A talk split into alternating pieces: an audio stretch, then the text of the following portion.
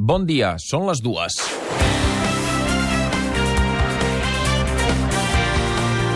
Catalunya Ràdio.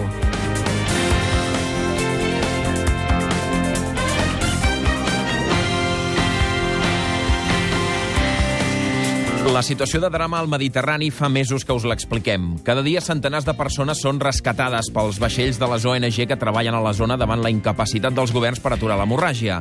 Tot i que és una realitat que coneixem de fa mesos, que expliquem cada dia als mitjans de comunicació, a tots plegats ens costa sovint fer-nos a la idea de què és realment el que està passant. Per això és tan important la feina dels fotoperiodistes que acompanyen les ONGs, per documentar-ho tot. Avui unes fotografies de l'Emilio Morenati són portada a una pila de diaris internacionals, des del New York Times fins al The Guardian, passant per l'Independent.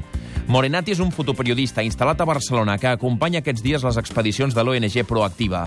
Les seves fotos d'avui ensenyen barques precàries, carregades de gent que es llença desesperada a l'aigua per fugir d'una mort segura. Hi ha nens, embarassades, gent desesperada.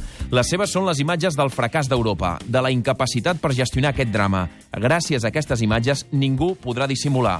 No podran amagar la seva incapacitat. Per això els fotoperiodistes són també tan importants, per ensenyar les vergonyes d'Europa.